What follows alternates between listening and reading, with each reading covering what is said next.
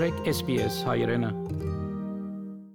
The past several weeks, we had two guests, Australians who had decided to work and live in Armenia.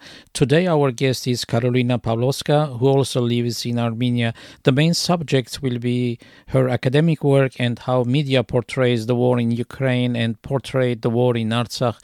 Karolina, welcome to SBS Armenian.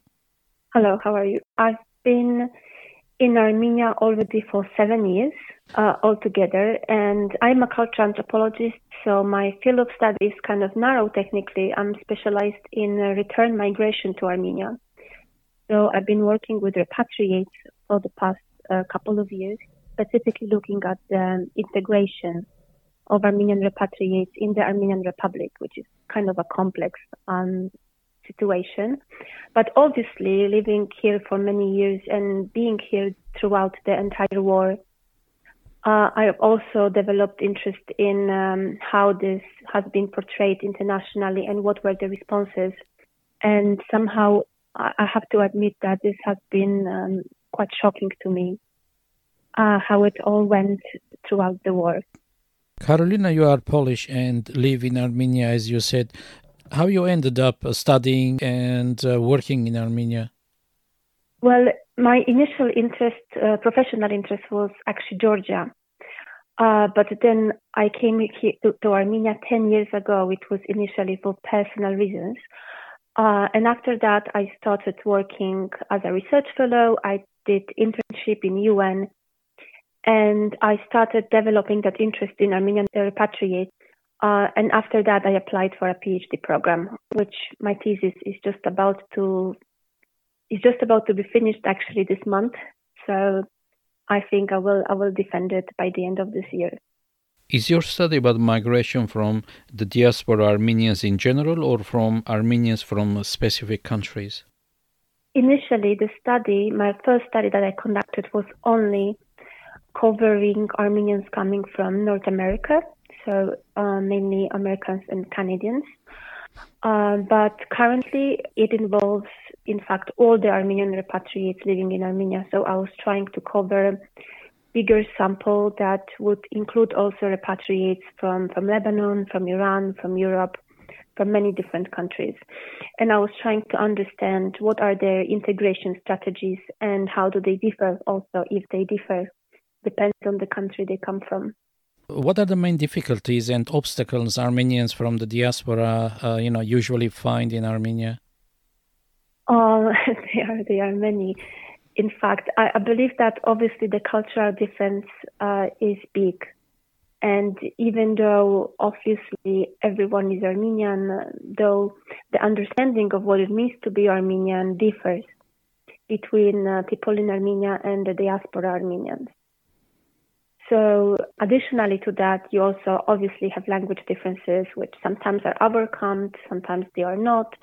And also, I think the idea of, of patriotism and nationalism in Armenia and in the Republic of Armenia are a little bit different. So mm. all these differences may pose it quite difficult initially for the Armenian repatriates after they come and then they require a little bit of conceptual work trying trying to somehow bridge that gap and, and overcome it so do you think it's feasible uh, a larger migration influx from the diaspora of course of course. I mean uh, definitely armenia needs numbers. That's that's the very first thing yes. And uh, in the long term perspective um, yes. And and honestly well, I don't see the Armenian um, government really providing any assistance. If you look at what the of Diaspora have been doing or not doing while it still existed, you would see that obviously there was this um, verbal encouragement, maybe, but uh, not much have been done, not much tangible things have been done to encourage diaspora to come. And mainly this these efforts have been uh, conducted by by non-governmental sector, organized by diaspora Armenians and Repats. So you have Repat Armenia that is doing huge job in the field, uh, for example. Uh, but I haven't seen such efforts from the um, from the Armenian government, and I I think there could be few reasons for that. Um, one is obviously that maybe there is this idea that some assistance has to be provided. I'm not sure if it actually has to be provided. And, and another um, issue is that diaspora Armenians who come here, they are often quite critical um, regarding political elites in the country. And they have different ideas of how Armenia should be or how Armenia could be. And we can discuss if these ideas are valid or not, but definitely they might be a little bit different. And, you know, before, before, when you had the previous, previous regime, obviously the, it was easy, much easier to put political pressure on the, on the citizens of Armenia than on, on repatriates. And repatriates are usually quite vocal about their criticism towards the government, used to be and still are. You've been living in Armenia, as you said, for seven years now. Uh, what's your opinion on the current uh, situation in Armenia? Sort of how the current situation in Artsakh is affecting the mood in Armenia? Oh, it's affecting tremendously, but I believe that it's always been for, for the past year. Um, there was always some sort of um, fear and I've been writing that article for Armenian Mirror Spectator a couple months ago. It was titled The War of Terror. And my assumption that time was that these little steps from, from Azerbaijan, they will continue till there will be strong response of the international community to stop it. And we, we see it clearly, clearly today, um, that the Azerbaijan is using the situation in Ukraine and the fact that everyone is somehow focused on Ukraine and also that Russia is being widely discredited uh, worldwide. So you have um, the Russian peacekeepers that are uh, being here on the border that are obviously being discredited as well. Um, so to me personally, this is could have been expected. And from the very beginning of the war, in Ukraine, here the discussions were mainly how it's going to affect us and how it's going to affect the, the national security. And obviously, obviously, it is affecting highly. The situation is tense in Artsakh, and Azerbaijani attitude about uh, towards Armenians is always uh, hostile. So, why hatred dominates uh, the Azerbaijani society? Well, so be- before I say anything about that, obviously I have to make a statement that I haven't conducted any fieldwork in Azerbaijan. So, so I'm basing on the assumptions and my interpretation of what I see and how I understand certain processes as an anthropologist. Um, so the hate towards Armenians, um, it did serve a couple of purposes. In fact, uh, after after the first of the second Karabakh war, so in the very first place, it managed to somehow consolidate the Azerbaijani society. And it's a common feature of these early nationalists and nation building movements that you need to symbolically distinguish yourself from, from your neighbors, from the others. And obviously, it does help to create this sense of unity within Azerbaijan. Uh, but also politically, it does um, allows to discredit every form of criticism towards the, the government itself. So it's, it's been serving a couple of purposes politically and, and socially and, and culturally. And I think this aspect of Azerbaijani society, unfortunately, has been very much um, neglected during the coverage of the of the second Nagorno-Karabakh war, unfortunately. Since the war in Ukraine started a few weeks ago, we are constantly reminded by the media and the world leaders who is the victim and who is the aggressor. Yet, uh, during the 44 day war less than two years ago, and until this day, the plight of Armenians in Artsakh is always ignored or misrepresented as a conflict and calls are made to both sides for restraint. So, in your opinion, what are the reasons for this uh, double standard? I mean, there are there are a couple of reasons, in fact. So obviously, there is the political and economic interest that are the main trigger um, in the Western world to take actions, and the political and economic interest in Artsakh is kind of low, uh, as we understand. but also there is a very little of social pressure um, to actually put put some actions. And I think um, that kind of proves uh, that the Western public have difficulties showing empathy towards people that are technically distant or, or culturally different.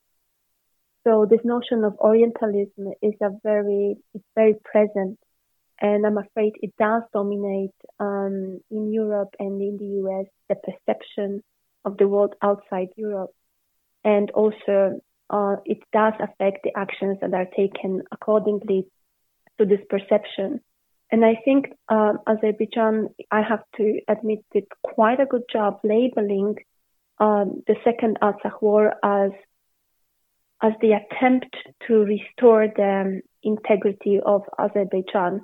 And I think that the main problem with the coverage of that time was that this is mainly how it was portrayed in the media. So they were mainly referring to, to, that, to that aggression as the attempt to restore the territorial integrity.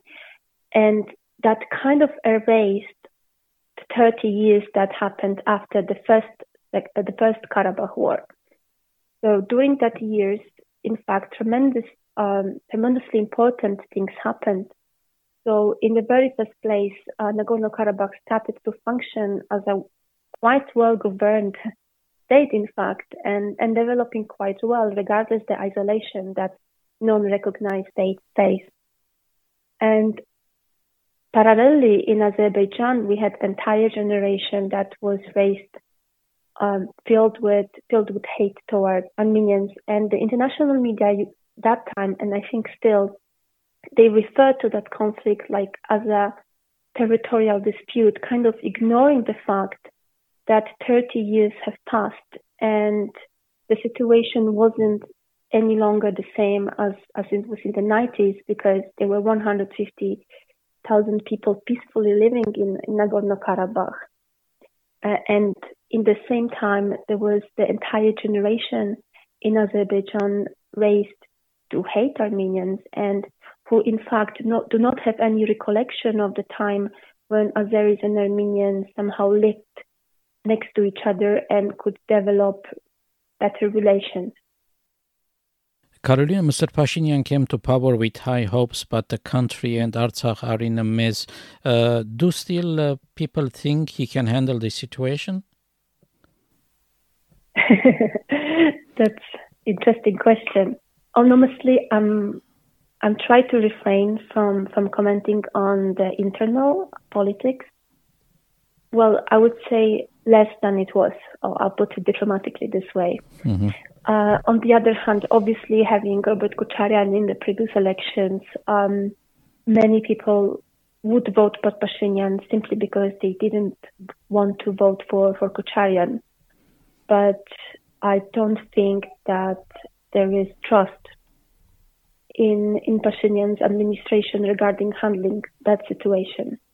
There are a few more things just I wanted to add regarding that coverage in during the 2nd uh, mm-hmm. uh, Karabakh War. That yeah. I remember when um, Radio Free Europe was that time reporting regarding the shelling of, of the cathedral in Shushi. And it was specifically framed, linguistically, it was framed like Armenian side accuses Azerbaijan uh, for doing that, even though there were already footages of that cathedral um, being damaged. And I, I, somehow was shocked that time. Why do you frame it this way? In a way that what what is your suggestion? Is that because if Armenia accuses only and the cathedral has been destroyed, then what's the other alternative?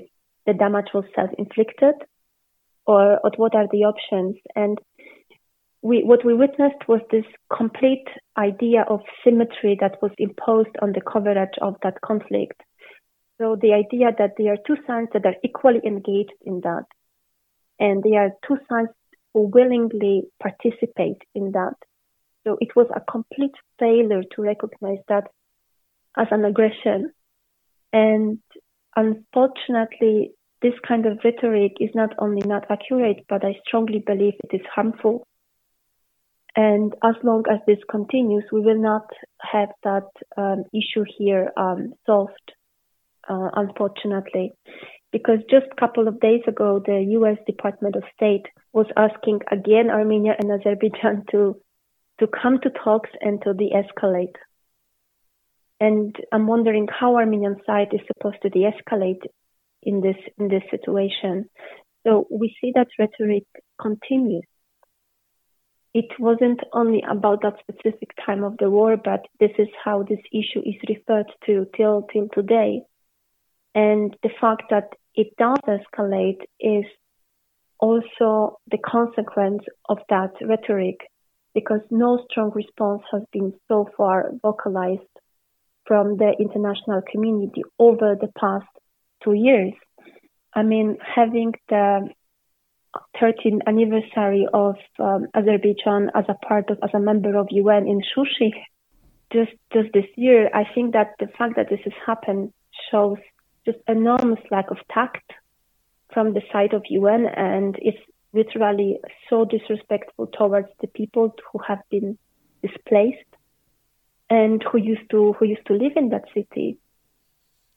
So there is this certain softness in the responses of, of Western uh, politicians and public opinion towards uh, Azerbaijan.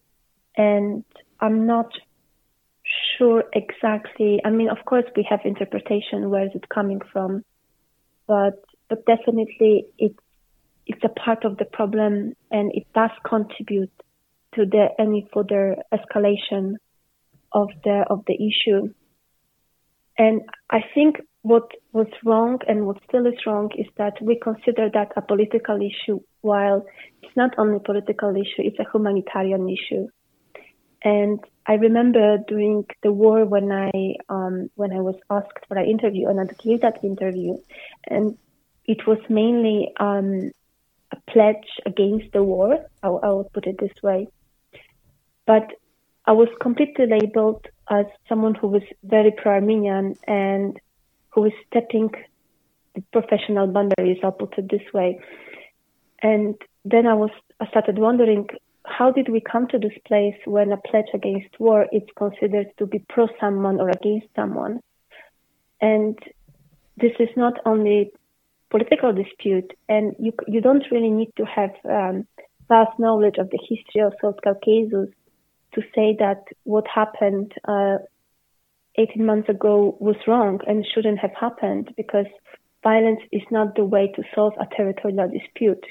But somehow it was presented like it was justified in a way, and that it was completely okay that Azerbaijan uses force while being dissatisfied with lack of progress with diplomacy. And the international community does normalize that behavior in a way.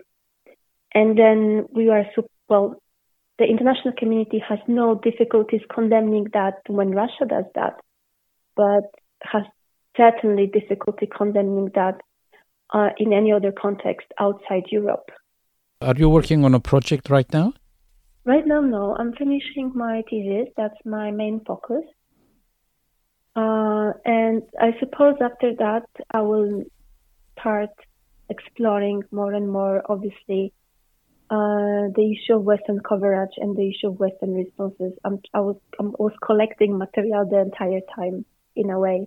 Mm-hmm. Uh, and this is something that bothers me um, very much, honestly, because uh, being someone from Europe living here, I think I did expect something more from from the Western world during that time, and I am coming to the conclusion that it's what the main thing that the West tries to protect is the Western lifestyle and Western political interest, and it has nothing to do with, with values. Though we hear about these Western values all over again everywhere, and that narrative is somehow pumped into the Western societies.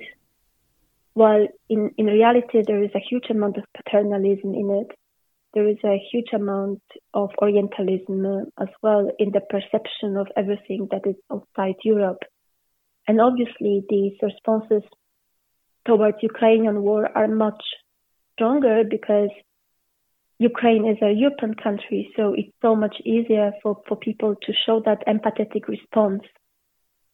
In the same time, we already have, I think, 150,000 civilians who died in Yemen. We have 350,000 civilians who died in Syria in the past 10 years. So that together brings the number of 500,000, half a million, half a million people. And well, I think that the current narrative in Europe towards these deaths and these tragedies is that, oh, it's just another war in the East or another war in uncivilized walls. So there is this idea that conflict outside Europe cannot be avoided. And to some extent, they can only be managed.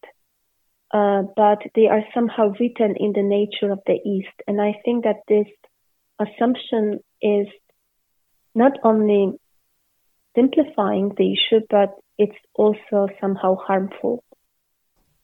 I think that another problem with that coverage was that people of Nagorno-Karabakh has been considered like object, not a subject.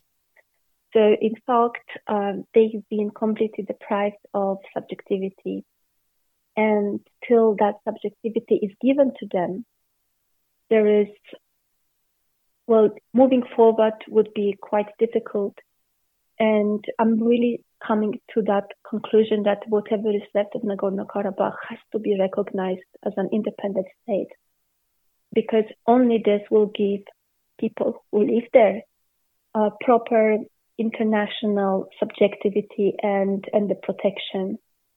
And again, we start we tend to think about this as a political issue, while obviously this can also be considered as a, as a humanitarian issue. We have this concept of remedial independence when it's the only way to ensure the safety of the people living in a certain territory. Because these escalations, they will continue. We can be pretty sure of that. And most probably they will not be big, but they will be frequent. And they will be aimed at making life in these areas quite quite uncomfortable and quite even impossible for people who currently live there. So honestly, I see, I see now only only one solution that that can actually be valid. Uh, and without that, we're gonna kind of stay within the same loop with Azerbaijan claiming that the entire Nagorno-Karabakh is Azerbaijani territory, and it's not gonna it's not gonna end till it's solved with very strict measures. And I think the only measure here is giving independence uh, to people living in that area. Yeah, I totally agree, Karolina. They should have done a long time ago. They shouldn't have done that. Well, another the last the last moment when it could have been done was in fact uh, when the treaty, I don't know if that's the right word, after the Second Karabakh War has been signed, mm-hmm. I think that the Armenian government should immediately focus the efforts on on recognizing um, the independence of Karabakh. And I understand why before the, the war there were certain political reasons why not to do that. Uh, but these reasons are not valid any longer, in fact. Um, so, well, if this is not done, the situation will continue and the situation may one day escalate again mm-hmm. and people will die again. And I think that we did develop this fetish of internal integrity or of, of states, uh, kind of prioritizing border and integrity over the, the human life. Mm-hmm. And uh, we have to get that priority straight if we don't want another war in South Caucasus in the in the future. I don't see any other way to ensure the safety of people of Nagorno-Karabakh at this moment. Karolina, thank you for your time and the interview and for the information. It was very interesting talking to you. Yeah, my pleasure. My pleasure. Thank you very much for doing that on Sunday with me.